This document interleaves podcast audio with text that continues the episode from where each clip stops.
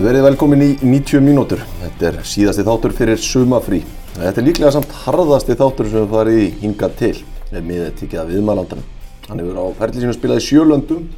Hann er 36 ára gammal og hefur verið besti landsleismadar Íslands síðust ár. Hann er nú mættur heim í Pepsi Max-deildin og ætlar að koma vikingum aftur á topp. Við erum velkomin Kára Átnarsson. Sæl og blessaður. Góði sæl, takk fyrir það. Hvernig er að vera bara komin aftur heim? Það var svona mixed emotions í byrjun en, en mér líður betur og betur með það. Já.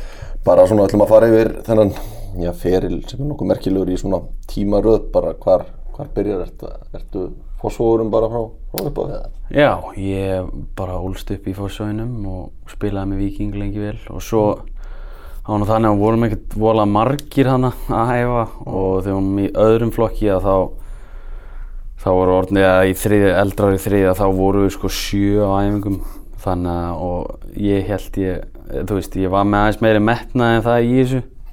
Ekki það að ég ætlaði mér eitthvað að fara í atvinnumennsku eitthvað svoleiðis, mér bara fannst skemmtilegt að gera þetta alminlega og hérna og þannig að ég var plataður yfir í val.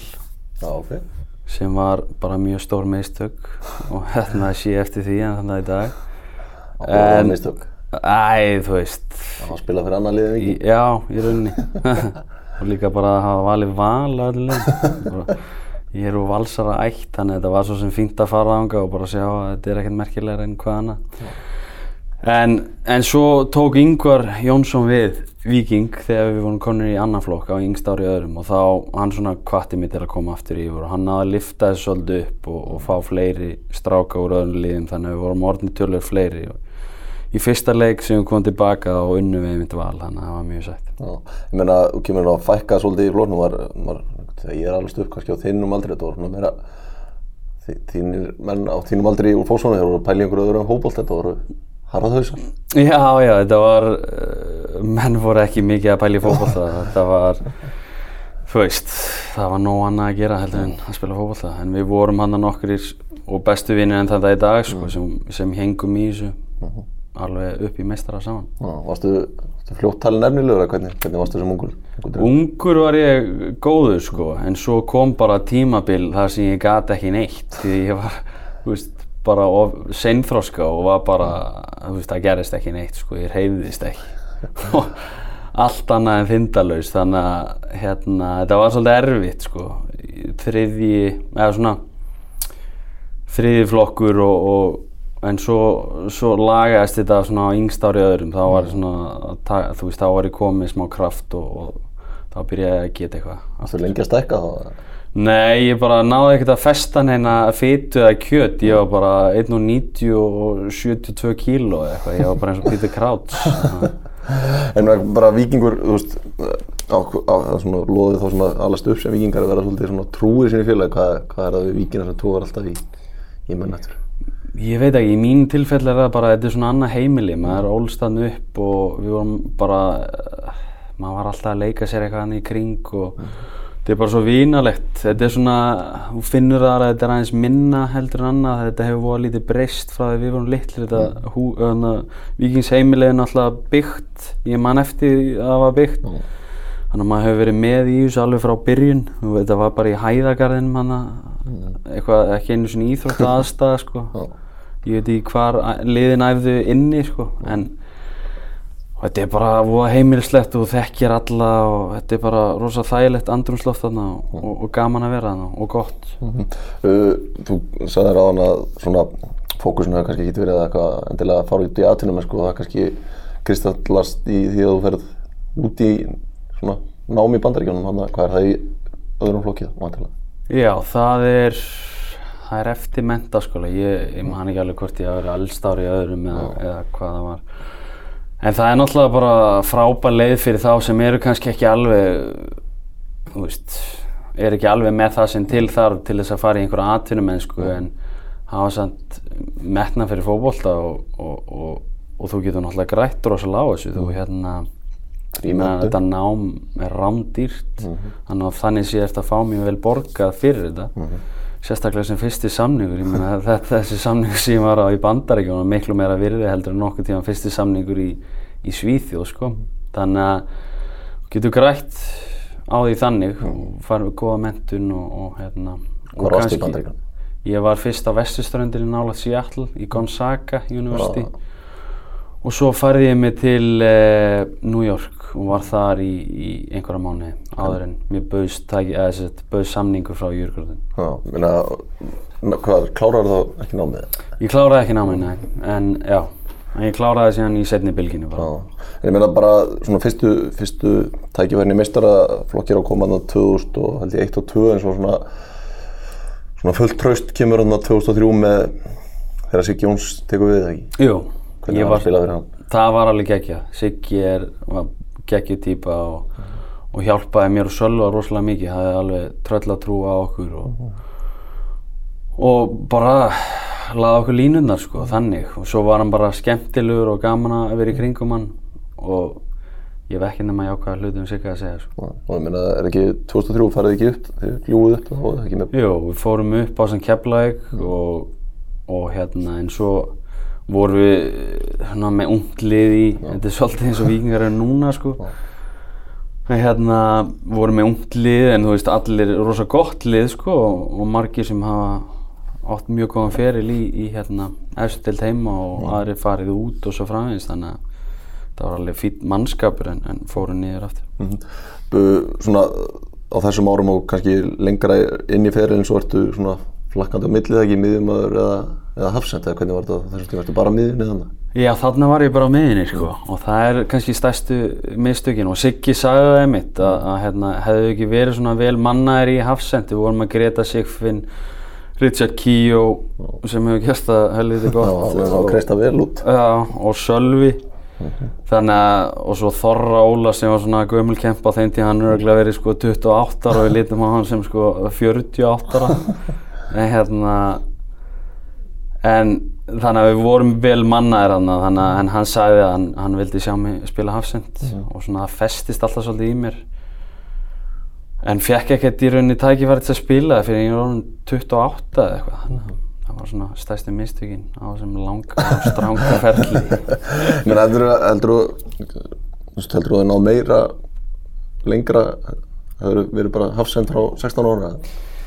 Já, ég meina það er rosa öðvöld fyrir mig að að segja það núna en ég veit það bara sjálfur og ég held að vita það allir að, að hérna, ég er miklu betra hafsend heldur en nokt í að miðmar og ég sé, þú veist, leiki sem við spilum með landslín í dag ég var í búin eftir svona 25 minútur sko. þannig að ég held að það hafi verið það hefði verið langt skynsanlegast að, að, að fara í hafsendin bara um leið og, og tækifæri gafst sko. Eftir 2004 tímbilið þá ferðu, já eins og konu, sagðir bara úr háskólanum yfir til Djurgard en menna, það var ekki mi mikið og stórt skref á þeim tíma. Jú, það, þetta var það. Það var náttúrulega sjálfu var hann fyrir, þannig að það var mjög þægilegt og mjög, mjög skemmtilegi tímar.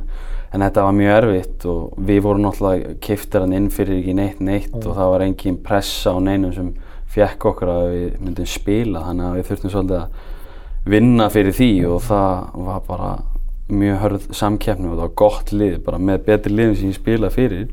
Þannig svona varandi mannskap við vorum bara með tvö lið sem hefði getað spilað og unni deildina bæði en þannig að þetta voru bara slagsmál okkar aðeingu og tók mikið úr manni og mikið meittur sko. Já, og, og menna, hlustu á gammalt viðtalana sem hún sagði bara æfing álaði líka, bara það voru hálfgerð geðu ekki, bara tvær æfingar á dag, Já, varst alltaf. þetta var algjört rugl sko. þetta var eitthvað eitthvað prógram sem þeir sett upp og ég veit ekki alveg hver pælingin var á bakvið þetta og þetta henda náttúrulega sum, sumi geta eftir svona en þú ert ekki með mikið utan á þér fyrir sko þá, þá ertu bara komin í einhverja offþjálfunar ástand og, og þetta verður erfitt og, og meðist mikið og svo frá eins. Mhm. Hvernig var að bara koma sér inn í svona að gerast líkilmaður og það var það mikil átöku að koma sér að? Það var mjög erfitt og þeir voru með landsinsmenn fyrir og, en, en það góða er að þú spila á miðinu að þá getur þú svolítið bara farið til höfus þess sem þú ert í samkeppni við það er svolítið erfæri að þú ert hafsend þá lendir aldrei á móti þeim sem ert í samkeppni við á æfingum. En það hendaði mér mjög vel þannig að ég bara reyndi að leggja menn í einelti þannig á æfingum í rauninni sko, eldi þá bara út um allt og reyndi að sparka á niður eins og ég gatt og reyna að sanna eitthvað sko. Mhm.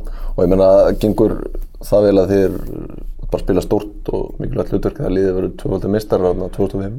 Já, þetta gekk sko og hérna ég fekk alveg, þú veist, ég bara vann mér inn fyrir minni stöðu. Þeir fengu hérna inn strák Felix Makró sem var svisneska landsliðinu og ég náði bara að búlja hann á æfingum þannig að ég var á undan honum í gökkunaröðinu og, og, og spilaði miklu meira en hann. Þannig að þetta uh, fór bara eins og það fór. Ég spilaði, hefði alveg viljað geta spila betur þetta tímanbili en, en maður spilaði alveg part í þessu. Já, vera, bara vera landsmeistari í aðtunum, það er ekki svona eitthvað bóks sem að var gaman að tikki í. Jú, jú, klárlega og það gerist ekkert aftur fyrir en ég fór í, í Malmö sko.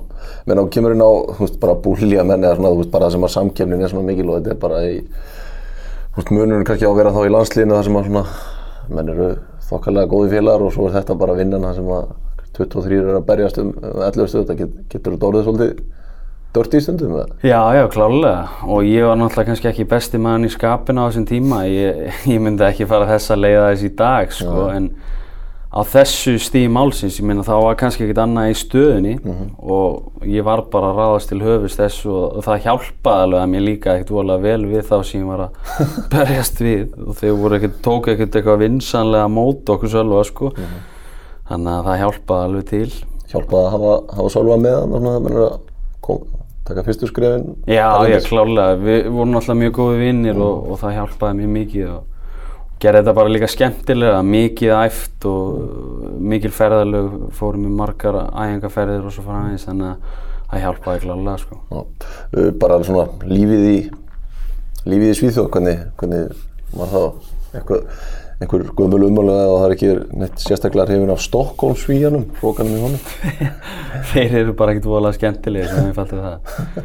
En lífið í Svíþjóð er mjög þægilegt, en við vorum ekkert á voðalega háan launum, þannig að gerði þetta svolítið erfitt að vera í dýrri borg og, og reyna að ferðast um hana og, og halda sér lifandi á sama tíma. Þannig að, þú veist, þetta var, þetta voru Það skýta samningu bara Já, já, þetta er bara eins og fyrsti samningur hjá mörgum. Ég veit ekki hvernig það er í dag, en, en þá var það ekki góð laun, sko. uh, Þú ert þarna, hvað, er þetta ekki þrjú tímabilið? Nei, já, tvö og hálft, hvað verður til þess að þú fer til að gefa, ferðu samnýr, neða þú vantar ekki samnýrlur Nei, ég var kiptið til AGF sko, það var bara ímislegt. Ég meina að mér bauðst að fara til, þetta var kannski mistök svona fótballtalega séð að, að hérna, að fara ekki til eh, Englands, mér bauðst að fara þangað. Ég fór á eitthvað træjal ekki? til Tjalton og hérna, ég vildi bara komast frá Stokkólum, ég ég leiði ekkert voða vel í þessu liði, það leiðilegu mórall í þessu liði og þetta var svona, Það ég veit ekki. Og hérna, en ef maður hefði managað hennar feril þá er þetta náttúrulega alveg glórulaust að fara til AGF. Þetta er bara algjörlega til hliðar múfið aftur á bak, sko. Í klúb sem er búinn að vera upp og niður endalaust. Þannig að, veist, þetta, er, þetta var ekkert frábært. En það voru svona alls konar persónlegar ástæður í þessu. Og hérna, en ég fer þarna og, og, og það er bara eins og það, það er, sko. Já, var ekki var svona einhver möguleiki á Ipswich líka, hvað Jú, ég man ekki alveg hvaða liði, ég, það var annað Ipswich eða West Brom eitthvað sem voru að spila í Championship á þeim tíma. Og þetta var bara basically þú veist að fara í lækniskoðun þessi samningu sem ég var með við AGF var á borðinu og ég vissi ekki alveg hvað hitt snýrist um, var þetta bara í lækniskoðun eða var þetta eitthvað meira? Og svona þeir hefðu bara tekið samningin af borðinu hjá AGF og í- á þessu tímanbili var, vissi ég bara ekkert um fótbolta sko. ég vissi ekkert út af hvað þetta snerist í raun og veru. Það var enginn svona sem var að leiðbina þér í gegnum eða að segja þér hvað þetta er að gera. Og ég meina við erum milli Championship eða AGF sem er í fyrstu deildinni að ég sá leiðinu upp í sko Superlíkunni sem bara leiðilega svo deild í Evrópu. Að þetta er bara no-brain en ég hugsaði þú veist Championship, hvað, hvað, ég vissi ekkert um þetta skilur, maður horfði bara á Premier League í sjónvarpinu og fannst það náttúrulega gegja Championship, ég meina, hvernig var undin ekkert að Í dag- Nei, í ra- þú veist, ég raun ekki sko. Og bara var svolítið einn í þessu og, og þar leiðandi var, voru kannski heimskulegar ákvæmlega teknar út frá fótballtaferli Já, kannski að ég get sett frá því að það er svona það er mjög erfitt að komast inn til Englands og kannski fyrir leikmenn sem eru búin að vera í öðrum deildum og þú ert ekki bara topp leikmaður í Hollandi eða hvað sem er þá er, er erfitt að komast sérstaklega inn í Premier League því að veist, ég einn umbósmann sem að sagði bara við, við Jóhann Berg til dæmis, það var í fara frá Aseta til, til Englands að bara þú verður að byrja í Champions, bara skýta klúb Já, þú verður bara að gera eitthvað til að búa til nafn á Englandi þú ert ekki búin að vera topp leikmaður í Evrópu Já. áttu bara ekki breykinn í bara, bara struggling championship lið já, sko. já, það er bara þannig. Það er svo einfalt er það. Þú verður bara að vera toppmaður í annari deil til þess að, til að fara eitthvað annað og þú veist, á þessi tímanbili vissi ég bara ekkert út af hvað þetta snerist. Maður þurfti bara, og það finnst mér eins og leikmenn þurfa ekki bara umbósmann, heldur umbósmann verður að vera svolítið að managja þessa ferla, ekki bara láta leikmannin taka hennar, auðvitað er þetta hans ákvörðin að sjálfsögðu, en þú verður að managja þetta svolítið, Heyrðu, þetta er bara algjörlega sidewards move eða tilbaka, glemdi þessu. Þó að peninginu séu aðeins betri sjáu þetta aðeins í hendi sér. Menn sem eru, þú veist, búin að prófa þetta og, og gera þetta. Í staðin fyrir að láta ykkur, þú veist 20 ára gæja sem var síðast í sko bandaríkjónum í einhverjum háskólabóta, þú veist, hvað veit ég um þetta? það er glórulöst, sko. en ég meina þú fer til AGF og svona bara hvernig hvernig var svo upplifun hvernig, Það var alveg ágætt. Eh, stór klúbuður Já, já, á, ágætis klúpur svo sem, en það er, eitthvað, það er eitthvað sem bjátar á hana, ég veit ekki alveg, það er erfitt að benda á það, það er alltaf verið að breyta öllu hana og það gengur korkin í rekur og... En það var komið svona smá structure á þetta. Og Uwe Pedersen sem tók mig ánga var búinn að koma liðinu með að deildi úr úrstildinni og, og, og þetta var bara svona, við vorum ekkert betri en það, við vorum ekkert betra lið en það. Náðum einhverjum sjokk úrslitum hér og þar og bara vorum fínir. En þá einmitt eh, dæmi um hvernig AGF er þá fannst þeim við ekki vera að spila nógu skemmtilegan bolta og reka Uwe sem fer þá til Esbjörg og Erik Rasmussen kemur í staðinn. Og hann ég lendi bara upp á einfalt ég bara alltaf tala um þetta eins og þetta var. Ég lendi bara upp á kant við hann á fyrsta degi sko nánast. Og ég fer bara um hvað bara snýrist svo deila? Það, ég bara eiginlega átta mig ekki á því ennþá sko.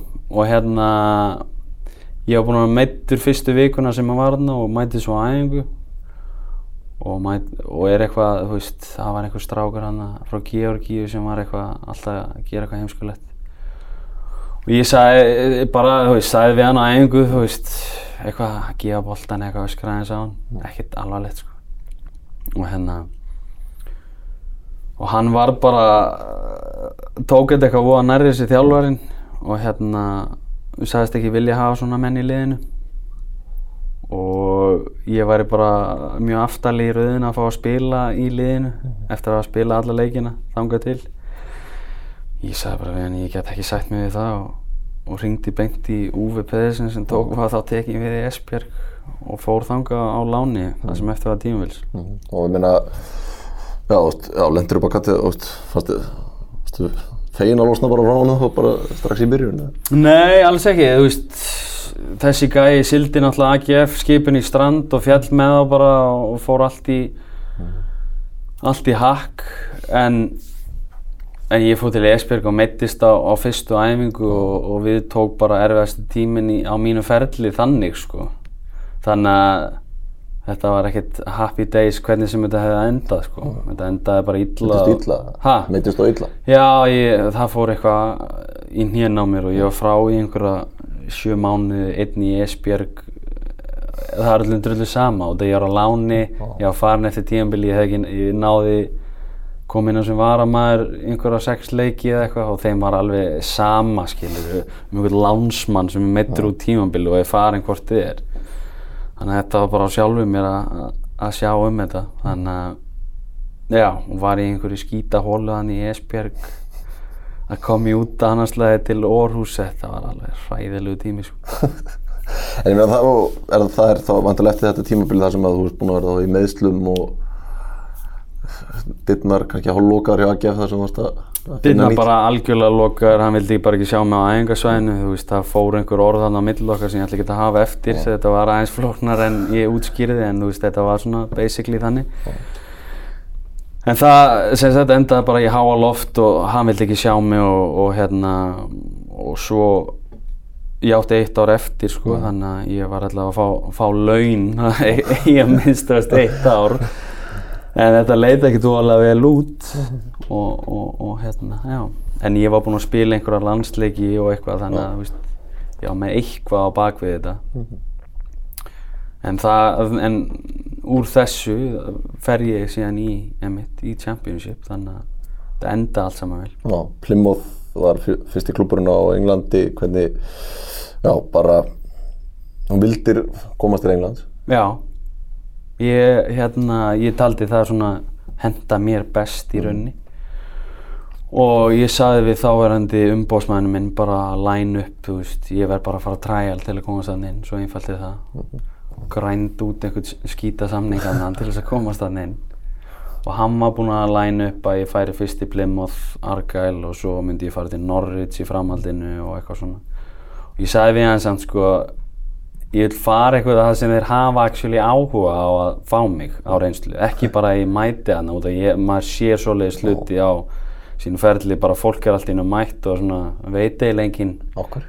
hvað þessi maður er að gera þannig að ég vildi ekki verið í þeirri stöðu og sagði svona, ég meina ég er búinn að spila hérna, hvað var 20 landsleiki eitthvað, hlýtur að hafa eitthvað, ekki það að Ísland hafi getað eitthvað á þessu tímanbili en ég meina samt og hérna, og hann segi já, já, já og sendi mig hann til Plymouth.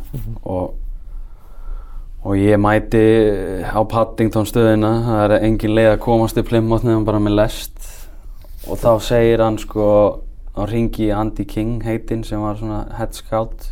Og hann segir mér að hérna svar ég kynni mig og hann, hann bara ha, hver ég kynni mig aftur og hann veit ekkert um hvernig er að vera að tala þannig að ég er svona frekar fattaði bara strax út á hvað það gekk.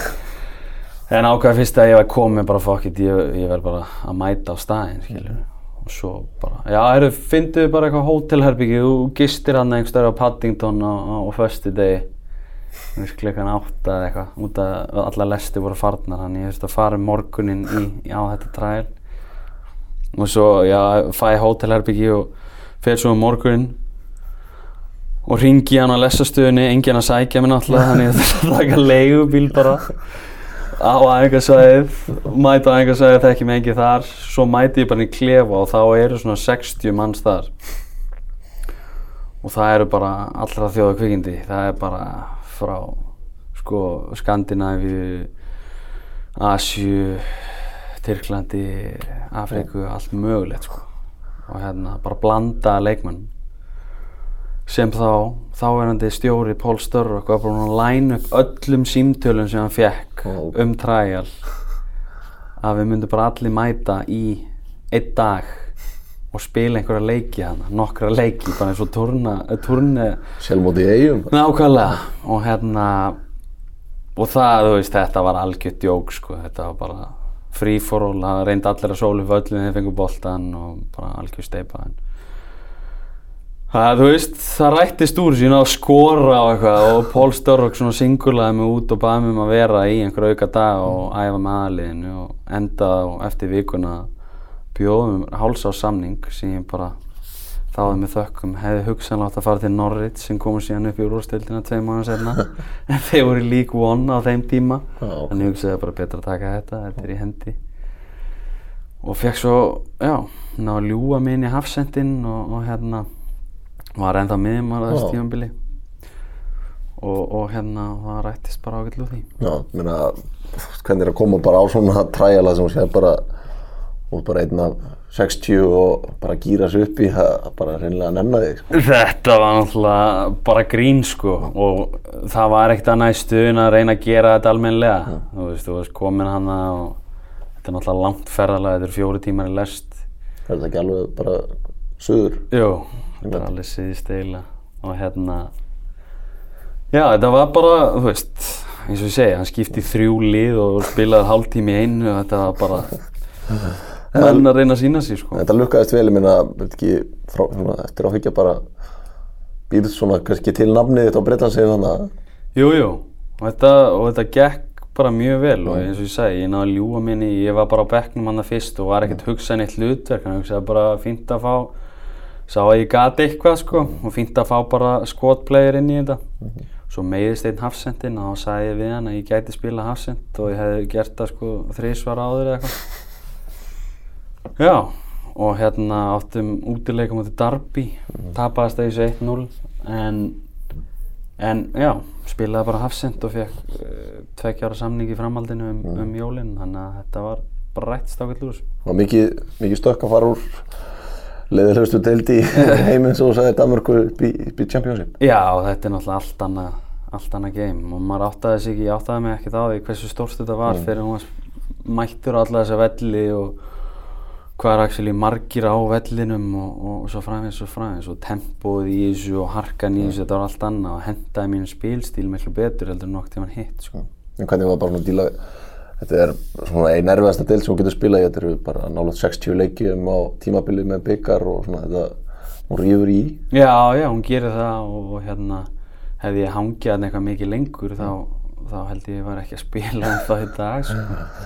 Þetta eru tvö, tvö og hálft ár hjá, hjá Plymouth og þaðan er leiðin til Skotlands Aberdeen sem að bara gengur hrikalega vel til að byrja með það ekki. Jú, ég, Plymouth var nánast farað á hausinn og þeir hægt að borga þannig að það var ekkert annað í stöðun að rifta þeim samning og gera einhvern starfsloka samning við það í rauninni. Það var bara allt komið í þrótt þar uh, og fallnir dregin aðeins stíg og svo fræðins. Þannig að ég fór til Aberdeen og það gekk mjög vel. Og hérna og var alveg inn í myndinni að Rangers voru eitthvað að spá í að kaupa mig. Eða þú veist, maður, maður heyrir svona hluti. Og maður veit ekkert hvað er til í þessu og maður mikla kannski hlutina fyrir sér og heldur að ok. Er það þegar þú byrjar að spila með Aberdeen? já, og um jólin og ég held bara að ég væri að fara um jólin í eitthvað stærra og betra. En, en það, það gerðist ekki og, og hérna og svona eftir áramót þá svona dalaði þetta svolítið og, og ég var ekkert að spila vel og kannski hausinn kannski ekki alveg á besta stað. Hvernig er það bara svona, kemur að það bara veist, að díla við bara rumors að þetta sé að fara að gerast og hitt sé að fara að gerast í kannski gleyma aðeins svona bara það sem ert á núinu og það sem þú þarft að standa þig til að til að áhugin haldi áfram. Já, og þetta, þetta gerir svolítið ósjálfrætt, þú veist, þú ert ekkert mikið að pæla í þessu, í þessu en þetta er kannski svona in the back of your mind að já, þetta getur gerst, ok, ok, ok. Og svo ertu svona full yfir að það ekki gerst þegar glugginn lokaðir. Og þetta kannski trublaði mig á þess að ég fattaði það. Um, í staðin fyrir bara að halda áfram með þetta og gera og kannski sjálfströstið dalaði eða hvað, hvað sem það var sko. ég er erfitt að að benda á hvað gerðist en, en þetta var bara tvö mismunandi tímambil sko, fyrir og eftir jól Er ekki, þú klárar skólan á hvað þessum tíma ekki háskólanámi í Aberdeen eða Jú, nei það var í Plymouth Plymouth? Já. En hvernig er að vera í atvinnum sko, og námi með þér að fer það vel saman? Nei, það fer, ég að segja, það fer það ekkert voðalega vel, vel saman og, og hérna, þetta tekur náttúrulega mikla orku frá þér. En ef þú getur einbettið við þetta, þá, jú, jú, það er, það er alveg hægt, en, en þetta er ekki auðvelt þannig. Þú ert svolítið að skipilegja tímaðinn og, og sættaði við að sitja sjúkarpróf þegar það eru leikir þegar á prófdugum og svo framvegis, þannig að þetta er, ég er bara ánægður að klára þetta, sko. Ég meina, er ekki, hvernig bara frítímar sem að knaspunnar hafa getur oft verið talsverður svona allan og þegar það er ekki leikdagar og svona, hvernig er að, hvernig henda það þér svona þessi lífstíl að chilla mikið og drepa tíma? Það hendaði mér ekki nóg vel og það er svona byrjaði í þessu. Já. En þetta, og, og þannig að þið finnst tímaðinum betur varið í, í að gera eitthvað uppbyggjandi. Þannig að það var ástæðan fyrir ég fór í þetta. En svona verkefna vinna og allt það, það hendar svo sem ágætlega ef þú getur setið við þetta og einbettir almennilega en, en, en það er aðalega próf og svoleið sem eru ákveðna tímasetningar sem bara henda enga veginn. Þetta er eh, eitt ár, er bara gett tímbil í skólandi þegar ekki? Jú. Og aftur til í rauninni Englands þar sem það rothera mér í þá ennsku djetildin. eins og ég segi, þá var setni partur þessa tíumbils ekkert góð. Og hérna það var bara ekkert í bóði að skilur og svo er það annað að managja feril. Maður er stundum svolítið rækitt með svona hluti og þú ert bara, herri, hvað er ég bara búinn eða?" og þú stekkur bara á fyrsta. Og, en það var svona ákveðin uppbygging í gangi á róðarum eins og kannski sést í dag að þeir eru í dag svona upp og niður Yo-Yo Championship sem er bara liðið að þessari stærðagráð er bara gott fyrir það og græða vel á því. En það var ákveðin uppbygging, þeir voru að byggja nýjan rosalega flottan völl, það var komin hann að snarbilaða managerinn sem var þekktu fyrir að ná liðum upp um deildið. Þannig að þetta, og þeir borguðu vel þannig að þetta var svona já já, þetta, er, þetta gæti verið verra sko. En svo spilar í lík 2 og áttarið að þetta getur ekki orðið verra. Hvernig eru vellir bara og aðbúnaður? Ég kom nú aðna útíðin í Róþaram þegar þú varst þar og ég hef aldrei séð hana þess æfingar þetta þetta sést bara- ekki á slökustu liðum í hjóruðveld á Íslandi. Nei, nei, þetta er bara, bara karteflugarður og svo er svona, þetta er alveg ótrúlegt sko. Klefarnir voru bara einhverju skúrar Já, maður heldur sko að Íslendingar hafi eitthvað slæmt en þú veist, þetta er bara tipp-topp hér með að við eins og gerist í þessum gömlu svona old school klúpum í, í Englandi. Þetta var bara gámar sem var búið að, nánast sem var búið að setja styrtast í klóakið frá, frá hérna stjóranum tengdist í styrtuna hjá okkur og hann meigi alltaf í vaskin hann hlandi lakin í styrti okkur og þotnaði við nótt þannig að þegar við mættum morgun þá var þetta alltaf svona þotnu hlandlikt þannig að þetta var var geggjaði tími og, og veist, þetta, þetta henda kannski ekki og við fengum mikið að strákum frá láni úr svona toppklúpun Liverpool og United og Chelsea þetta henda þeim svo sannarlega ekki. En mér stjórin Steve Evans sem var með þig á þessum tíma og ég tók viðtal við hann inn á þessari frægu skrifstofa sem hann megi í vaskinn. Með hvernig var að spila fyrir, fyrir hann og hans hugmyndafræði? Þetta er svona, ferillin í, í rauninni er ekkert fullkonar áður en við spila fyrir svona gæja. Þetta er bara one of a kind náungi.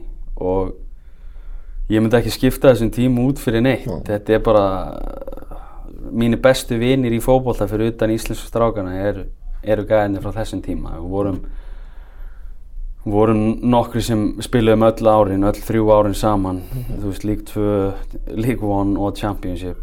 Og erum mjög góði vinnur og höldum sambandi í dag. En það er svona það sem þétti hópin var sameiginlegt hatur á honum og en þú veist, ekkert hatur það er kannski svolítið stórt orð en hann var alveg, þú veist, hann var í andlituna þér allan daginn og svona hrætti menn í raunni til þess að gera nákvæmlega það sem hann vildi. Mhm. og æfingaðferðinar voruð á eina æfingu þannig að það er svona það er svolítið langt frá því sem að flestir eru að gera á æfingarsvæðinu svona. Já, þetta var bara result based hjá hann, skipti engum máli hvernig þetta leit út, bara þurftum að grænda át sigur í hverjum einasta leik, annars var hann bara gjössanlega brjálaði og hárblásar hann beitt hver skipt sem við lentum undir og komum inn í hálfleik, saman hversu vel liðið var að spila sko.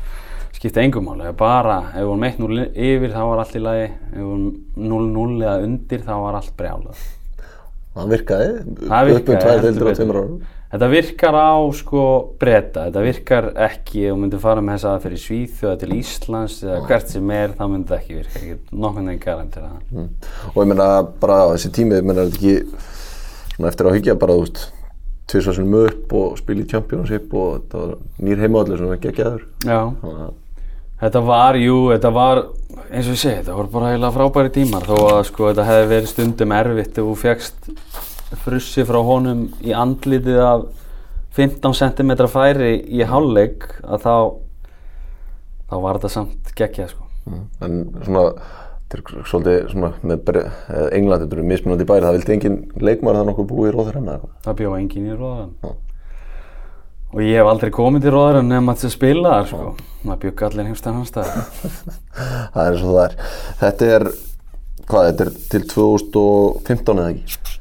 Ég er alveg held að- aftur, sko. Ég, Ég held að þetta sé 2015 að þú ferð svo til Malmö sem Já. að var þá bara, og er ennþá í dag reisastór klubur, hvernig varstu svektur að fara frá Englandi þessum tíma eða fannst þér komið gott í Nei, ég, ég var lengi búinn að reyna að komast í betra liða á Englandi og Já, 2015. bara bæði frá Plymouth og til og frá Ab Aberdeen og svo meðan ég var hjá Róðaram ég skrifaði undir framlengi og samningi hjá Róðaram og var alltaf að reyna að komast til veist bet- stærra liðs innan Englands. En það, ég var bara afskrifaður út á aldri að oftast og þú veist auðvitað í einhvern tilfellum bara nei nei við höfum ekki áhuga á hann það var eins og það var þannig að ég þurfti bara að koma staðan sem fyrst eða það var framleggja við róðurum og ég nefndi ekki að, að vera þar lengur þannig að þetta var bara mjög gott option. Já, og hérna meistaradeildin og svona, er það kannski einhver leiti einhver hápunktur á ferlinum að spila í riðlakefni þar eða ekki?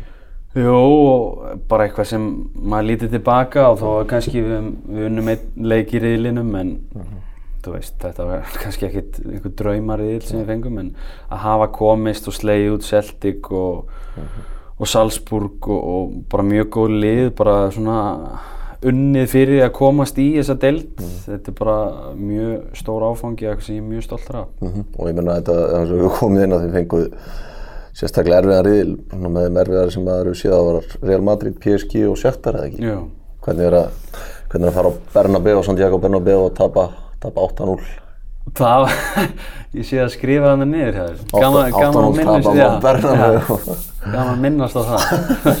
hérna, það var bara niðurlæðing af vestu sort og ég var bara mjög óanað með marga liðsfélaga sem voru, það var svona, þetta var síðasti leikur tímanbilsins, við áttum ekki sjens á að komast upp nema að vinna, eða komast áfram í Európa-deildin nema að vinna, hérna, Real Madrid á útivelli, það var bara ekki að fara að gerast, við vorum ekki nógu góð til þess og það voru bara eitt sem feikaði meðsli, annar fekk viljandi guldspjald og þetta var bara, þetta var sjokking og við fórum hana bara með hálft lið. Allir komið í frí ek- bara. Já, mórallin ekki upp á sitt besta á þessu tímambili slagu daginn fyrir leiku inn í rútu og eitthvað svona bullshit sko. Og hérna við vorum bara engan veginn tilbúinir í þetta. Og, og þjó, markmaður með einhvern hjálm hana eftir eftir eitthvað samstuð á æfingu, æfði ekkert og mætti svo bara í leik með hjálm á hausnum sem var allt og stór Þetta var bara martröð, þetta er bara mín versta minning af fótballtaðalli og 3-0 í hálfleik og þú veist, það var bara Allir búin að gefast upp. Já, í raunni og ég, veist, ég reyndi að segja við að bara shut up shop og við förum í það með 3-0 tap sko og við erum ekki að fara að reyna að skapa einhver færi erum bara að fara að loka því sem loka verður En e, það var ekki hlust á það Við vorum bara að spila hún hann út og flottir þeim og hérna fengum bara 8-0 í, í andlitið Já, það er kannski, ætlaði nú ekki að, svona, þetta átti ekki að vera bara að vera að skoða þennan riðil og þá, þá svona, þetta Já. var svona ekki stóð upp úr.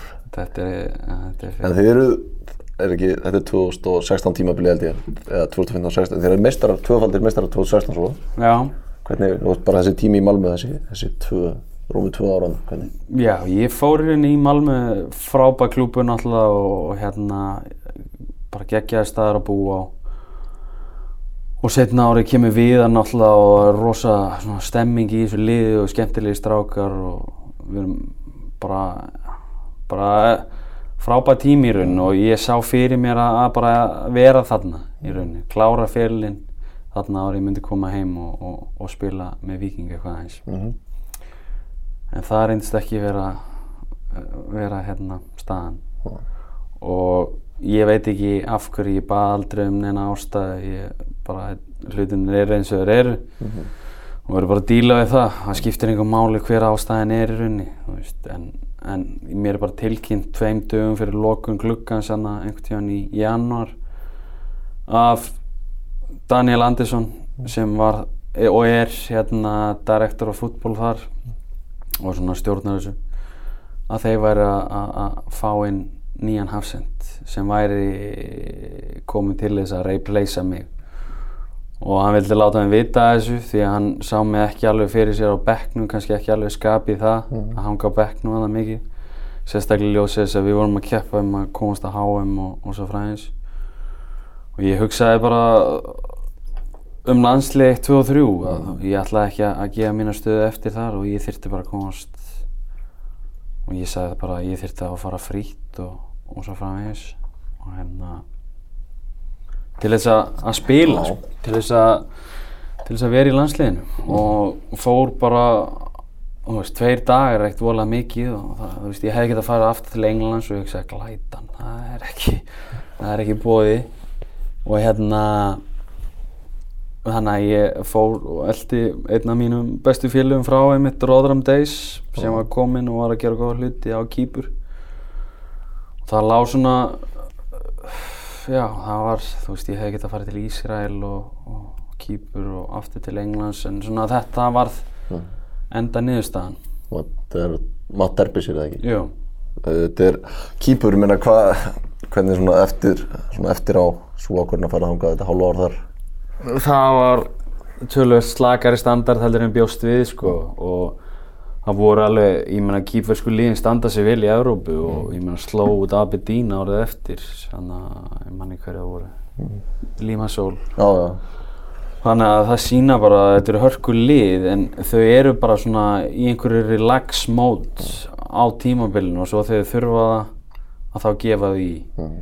Þannig að sömi leikinni voru alveg bara hræðilegir. En svo voru önnur lið sem voru mjög góð og alveg á Evrópu standard sko. Þannig að þetta var svona og það var til þess að við vorum bara einfallega ekki með nógu gott lið og þetta var bara frekar dabilegt og svona alltaf eitthvað chaotic og ekki borga á reynd tí tíma og svo framvegis. Þannig að þetta var bara svolítið svona upp og niður. Hvernig er við liðið það sem að, sem að svona endar í einhverju launavesin er svona fljótt að fara í hausin á mönnum og, og Já, þú veist, þetta, þetta tröfla þá sem hafa kannski verið lengi í þessu ekkert mikið og það, það skiptir ekkert í máli í rauninu hvort það kom í dag eða 15 eftir, já, þú veist, en aðrir ungir kýpverski gæði þegar bara hausin aðeim fer sko. Og þetta miðjurahafs uh, mentalitet er svolítið öðruðs heldur en við þekkjum sko. En meina, va- fa- fannst þú svona fyrir því að þetta væri svona allir, þú kemur nátt og svona sömu leikir voru alveg leikirinn hitt á svona, eða það má kalla það svona retirement home Já, ef svona þetta er svona einhver stæður til að enda fyrir það myndi kannski ekki henda þér ef þú ætlaðir að nei. ná að halda þér á, á tóknum og Já, inn í landslinu. það var máli og svo tek ég ákvörðun að fara í Aberdeen aftur út af landsliðinu aftur sko. þá, þá er ég búinn að sjá ok, þetta gengur ekki, það er ekki nóg ég sé að spila hérna, tempóð í þessu er bara ekki nægt þannig að þá ringir Aberdeen þjálfarinn í mig og þá svona reyni ég að fá mér lausan þaðan til að fara þanga til þess að halda mér í betra standi fyrir landsliði Mhm. Og ég ef, meina, ef við hefðum ekki verið í neinu neinu sems að komast á HM þá hefði ég aldrei tekið það múf aldrei. Og ég meina lukkaðist það samt ekki ágætlega og spilaðir slatta til að byrja með og svo svona einhverju Jú, jú, það, það var bara fínt þannig en þetta var bara, ég fann það bara veist, þetta er young man's game á Englandi, þetta er bara þú veist, 35 ára gamall kannski ekki alveg já, þetta er bara harkan í þessu ekki það, þú veist, harkan kannski skiptir einhver máli en þú veist, það er, það, þetta, leikinnir eru lögata þriðjudag og í þessari hörku og tempói að þá bara finnur þú fyrir því og getur ekkert spila tvo dag í viku, alla daga vikunar í þessu, þessu geimi, sko, hefur þetta verið kýpur tempói þá er það ekkert mál, sko. Þetta er bara allt annað, allt annað leikur, sko. svo líkur, já, tökum svo bara smá en ég meina, t- líkur atvinnum hana ferðlinum núna í vetur í Tyrklandi þar sem hún varst í rauninni búin að það var allar að koma heim síðasta sumar en þetta, þetta kom upp hvernig, hvernig var þetta ár Þetta var bara gaman að prófa þetta og enn og aftur koma að þessum miðjarahafs hugafari. Þetta er allt annað heldur en við þekkjum og þetta var alveg skemmtileg reynsla og, og fínasta deild þannig. Man leiði ofta tíma að maður geti spilað þarna í, í þrjú ári viðbútt en, en þetta er svona, veist, þetta er allt annað dæmi. Þú ert í rauninni, þú mætir mjög snemma og ert farin heim seint út af þeir vilja að þú kvílist á æfingarsvæðinu þannig að þú liggur bara upp í rúmi og ert að horfa upp í loftið sko. þannig að þetta var svona með fjölskyldu þá er þetta tekur þetta tíma frá henni í staðin fyrir að fá að fara heim bara eftir æfingar eins og gengur og gerist að þá var þetta svolítið erfitt með fjölskyldu þannig Já, það er svona ef maður segja svona bullshit sem að, þetta er kannski ekki bullshit, þetta er bara hefðir í, í teinlöndum þú myndur sem fungir er best bara í svona þessum enska kultúra sem er eft bara millir 9 og 11 og svo er af hörku og krafti og svo er þetta bara Já, klálega. Það er ekki spurning. Ég held að flestir Íslendingar myndu eitthvað svona time waste er ekki alveg okkar. Við viljum nota tíman í eitthvað, gera eitthvað, sama hvað það er. En eitthvað svona að láta það hanga upp á æfingarsvæði þrjá tíma til þess að gera ekki neitt, sko. Það er bara að þjóna einhvern tilgangi. eins og við sjáum Tyrkinn eru búin að hanga í þrjár vikur hérna áður en koma hingað inn á okkur hótelum. koma sér hingað með allt niður sig sko. Nei, nei, ég segi svona, en þú veist, það er svona Þetta er bara öðru hvað þessi er kultúra sem að við kannski Já, hvað er, er pointið í þessu? Það er ekki neitt voru því látni dúsa inn á hótelum með báðingar sem einhverja dag og vikur ef að illa gekk. Já, já, það var bara ef að við töpum einhver fjórum leikjum í röð og þá voru við látnar hangaðan í þrjá daga fyrir leik. Eitthvað svona. Hver, hvað er, hver er tilgangurinn? Það ekki, ekki menn bara svona einhvern veginn? Held að allavega að maður hugsa sjálfur þú veist þetta móti verði bara í hináttina bara að nennir þessu ekki og þetta verður bara svona Það er akkurat það sem þetta gerir fyrir mann þetta maður bara nennir þessu enga veginn komin heim í Pepsi núna þetta er endur koma nummer 2 svona ertu, bara komin heldur þú aðtunumvarferðin er bara búinn horfur á það þannig eða horfur ef Ísland fer á EM og þú þurfur að fara að spila í janúar? Sko við höfum alveg rætt það við vikingana að það er alveg option og, og ég mun taka það dialog og hef svona aðeins rætta við, við hérna Freysa og og Hamren en hérna við hérna, þú veist, það verður bara að taka stuðuna þegar að því kemur og, og ég er ekki að loka neinum dýrum en, en það væri alltaf á láni bara ég er bara hún leikmaður vikings í dag og alltaf að einbeta mér að því þangað til að tíðanbilið er búið og svo ef að þeim finnst að ég þurfa að spila eitthvað meira þá er ég bara að gera það Nákvæmlega. Uh, bara svona, þú veist, aðtunumvarferðin ef, ef hann er á enda, ertu sáttum með hann? Fimm, er ekki fimm, jú, 15 ár? Já, þú veist, þetta eru bara lífsreynslu, geggja lífsreynslur og, og þetta kennir þig svo mikið á sjálfa þig. Þú veist, mótlæti, meðlæti að vera allt mögulegt í þessu. Fara neyrum deildir, skipta um land sjá nýjan kúltúr. Það er náttúrulega, ég, þú veist erfitt að segja að maður myndi breyta einhverju en það er náttúrulega margar hérna, ákvarðanir á þessum langa ferli sem kannski hefði mátt vera betri og maður hefði náttúrulega viljað spila kannski fyrir betri lið en ég myndi ekki breyta neinu, ég er engin, engin regrett skilur, en maður er bara að horfa á þetta kallt og, og ég tel mig hafa getað að spila fyrir betri lið, en, en það er bara eins og það er. Það er talsveit afreikað, ég minna, ná að hafa bara, veist, fá samninga til samningi í 15 áskilur að gert eitthvað rétt. Já, já, auðvitað og, og hérna, en eins og ég segi, það var, voru ymsar svona ákvarðanir að, að byrja ekki að spila hafsend fyrir nú, 28 ára og þá þurfa að ljúa sig inn í stuðuna og segja að fá þjálfan til að treysta þér, hann bara, þetta alveg vissum að það getur spila. ég sá bara að það var engin yfir 1.80 sem í liðinu, þannig að það var rauninni ekkert annað í stöðunni, þannig að þú veist, það byrjað það fyrr, komist til Englands fyrr, allt, þú veist, það er alltaf að segja, segja eitthvað. Nákvæmlega. Kannski bara rétt í lokininn fyrir þá sem að hafa rendi gegnum Instagram-reikningina eftir að þú opnaðar hann síðasta sumar að það var svona, það er ádæla á svona atvinnumanna kultúrin um lífstílinn og merkin sem að atvinnumenn kaupa, þú, þú er ekki reynd að elda þetta eða eitthvað. Jú, ég er bara komin á fullt í þetta núna. Var það ekki þannig á fyrir hlutanum? nei, nei, ég er alls ekki komin á fullt í þetta. Nei, nei, ég er, nú bara, þetta er bara fíblalæti, sko. Heyrðu, landslið, það er kannski skemmtilegast í hlutum við ferilinn, er það ekki svona hingað til, síðust ár með honum?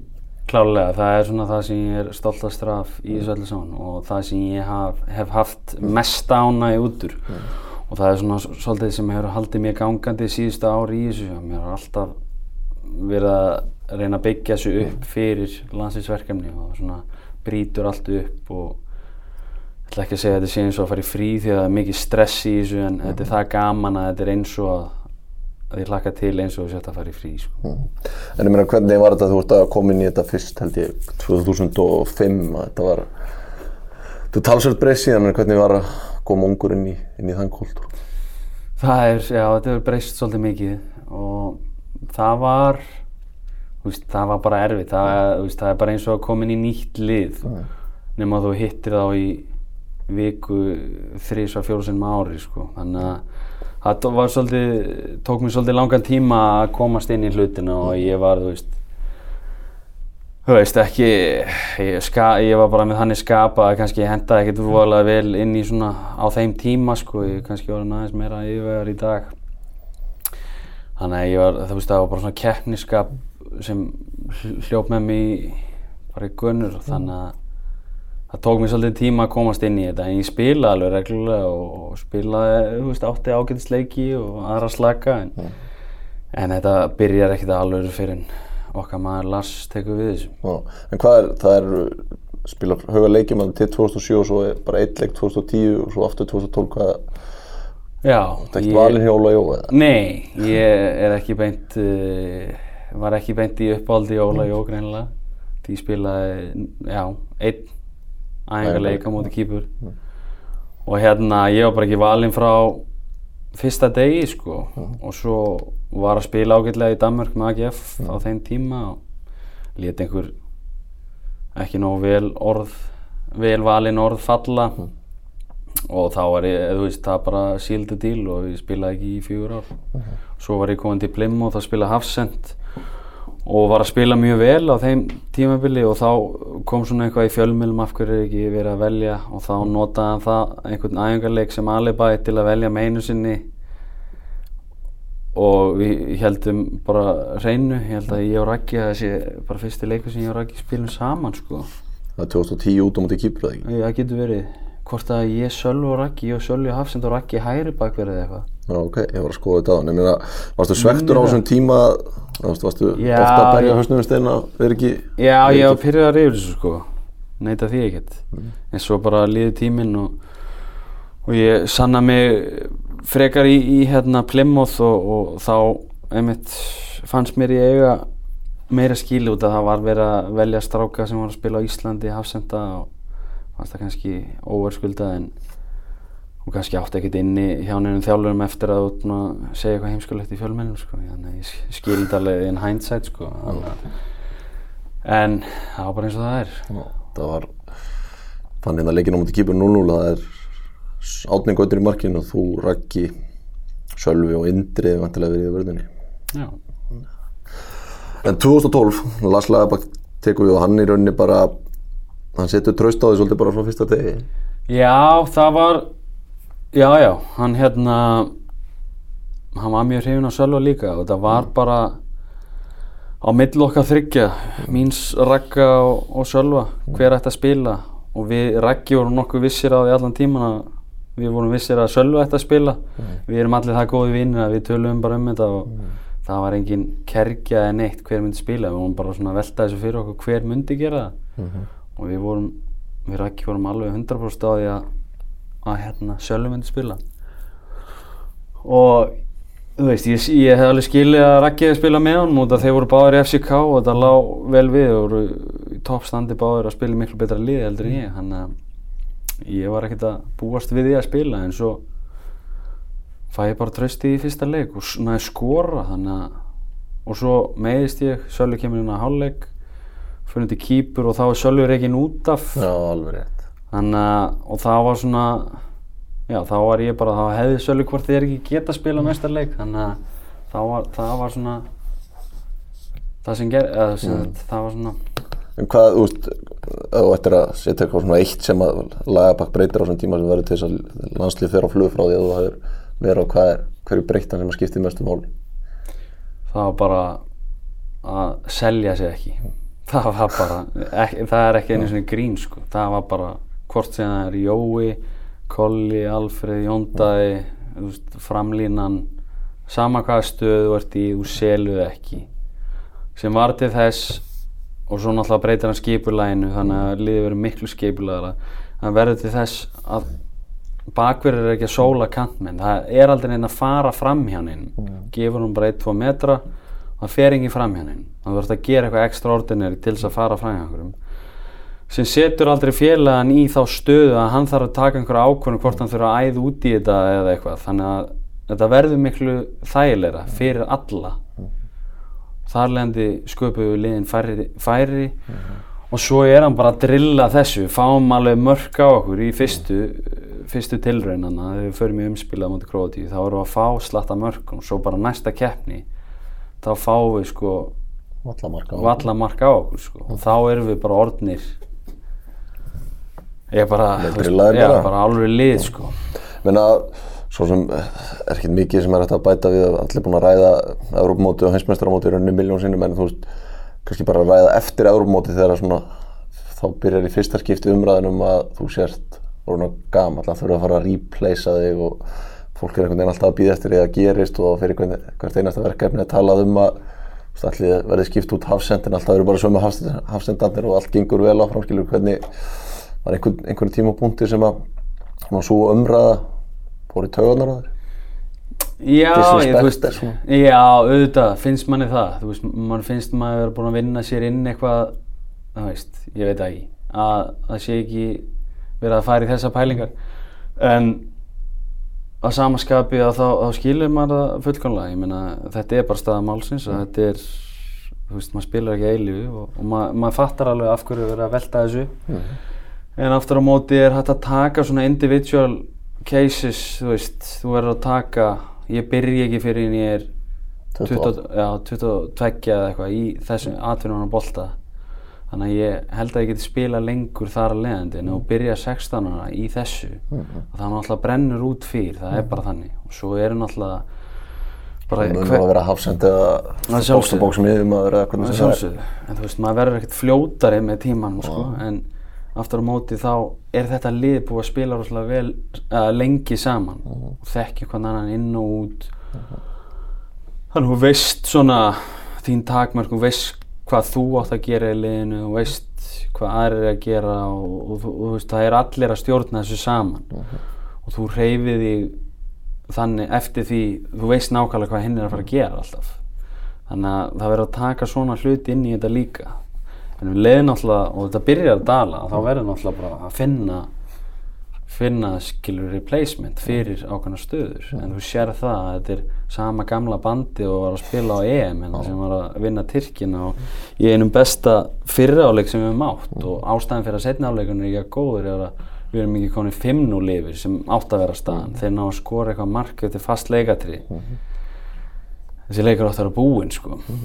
Þannig að þá verður svona smá stress en við vitum alveg að við getum haldið þessu. Við getum núllinu þú veist, oftast þegar þarf á því að halda sko. Og ég meina, þú helstu þú að vera hættur í landsliðinu eftir heimsmyndstarmótið, það var svona, voru misvísandi fréttir þegar maður skoða tilbaka svona, hættur ekki hætti það svona, já, já, við, ég var alveg erum við sáttuð að hætta það? já, það var alltaf planið sko. En síðan þegar þú beðin um að halda áfram og kannski taka eitthvað nýtt hlutverk eins og ég segi, veist, þetta hefur gefið mér svo mikið í gennum tíðina að- spila fyrir þetta lið og hann að ég er tilbúin að gefa gefa þessu lið allt í rauninni tilbaka og eins og ég hef sagt áður að ég hef tekið ákvarðanir á mínum persónulega ferli til þess að það hagn, eða þess að bæði til þess að hagnist landsliðin og til að, þú veist, ég vil ekki missa sæti mitt í þessu landslið og þetta er það mikil svirði fyrir mig. Þannig að þegar þú ert beðin um að halda áfram í einhverju batteri sem hefur þannig áhrif á þig þá getur ekki sagt nei við því það er náttúrulega bara, já, ok, sjálfsögðu En ég meina, þetta var, var, var það einhvern veginn svona þegar þú kemur svo aftur þegar að í fyrsta verkefni á Hamlinu sem einhver svona, bara presenteraði sem einhver svona stuðningur við, þá varst ekki líklega til þess að fara að mæta bara til að sitja sáttur á bæknum. þá.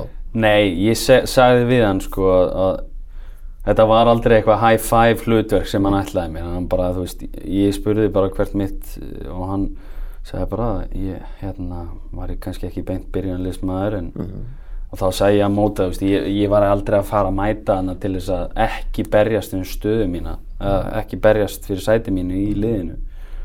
Þannig að hann vissi það að ég var ekkert sáttur ég, veist, ég myndi gera þetta með brosa vör en einst inni vildi ég alltaf spila til þessi leikunum gerðir veist og hann bara já, já, sjálfsögðu og það er náttúrulega bara eðlilegt. Og þannig að veist, ég fór bara og ég var aldrei að segja, ég hef aldrei sagt neitt við því að ég hef ekki spilað mínúti sko. en auðvitað viltu spila og leggur við fram til þess að fá að spila. Menn var einhvern tíma síðast það sem er að gerast í núnum þegar að nýr þjálfari og úrslitin eru bara vond en ekki eftir á að higgja þegar fólk skoðar anstæðingarna og hvað við vorum að spila við og hvað við vorum að díla við þá þá eru nú yfirleitt útskýring á því en meina, þú veist, var helstu að veist, þetta, þetta lið væri bara orðið bensinlust Nei, ég hef það mikla trú á þessu liða, ég hugsaði það aldrei sko en það er svolítið, þetta er svo vel drilla lið, veit nákvæmlega hvernig það á að verjast veit nákvæmlega, og þarlegandi er svolítið erfitt að að, endurbyggja bara liðið með fjóru nýju leikmönnum. Þeir eru kannski ekki alveg með sama work ethic, þeir hafa gríðarlega gæði sem við sína með félagsliðum. En þetta er svolítið annað þú veist. Þetta er bara, þetta snýst fyrst og fremst um varnarleik og svo svo kemur hitt í kjölfarið sko. Og ég meina það var hrikalega svona andlega hlýtur að vera þetta síðasta verkefni að klára báða leikina bara svona fyrir, fyrir þetta haust að hlýtur að gefa liðin ansið mikið þessi, þessi tvö úslit og sérstaklega svo frammiðstæðan á móti Tyrkjum. Klálega og við vissum það að skipta enga máli hvernig þetta lit út en við þyrftum að vinna báðuleikina til að vera einhvern séns. Og svo sjáum við náttúrulega þeir vinna frakka og ef við vinnum það ekki þá er þetta búið sko. þannig að það gaf okkur henni bara byrjundi báði vangi og við höfum eins og ég segi þetta lið sem var stilt upp hérna á móti Tyrkjum við vitum þrýfst mjög vel undir pressu við verið undir pressu bara frá fyrsta degi. Þannig að þetta bara var skrifað í skýin fannst mér sko. Þetta er vongóður um að þið náðu, náðu þriðast stórmótinu? Ég held það já, ég er mjög vongóður með það. Við þurfum bara að klára Tyrki úti það var helviti góð mann Nákvæmlega. Það séu fín loka og bara káli takkilega fyrir að koma. Takk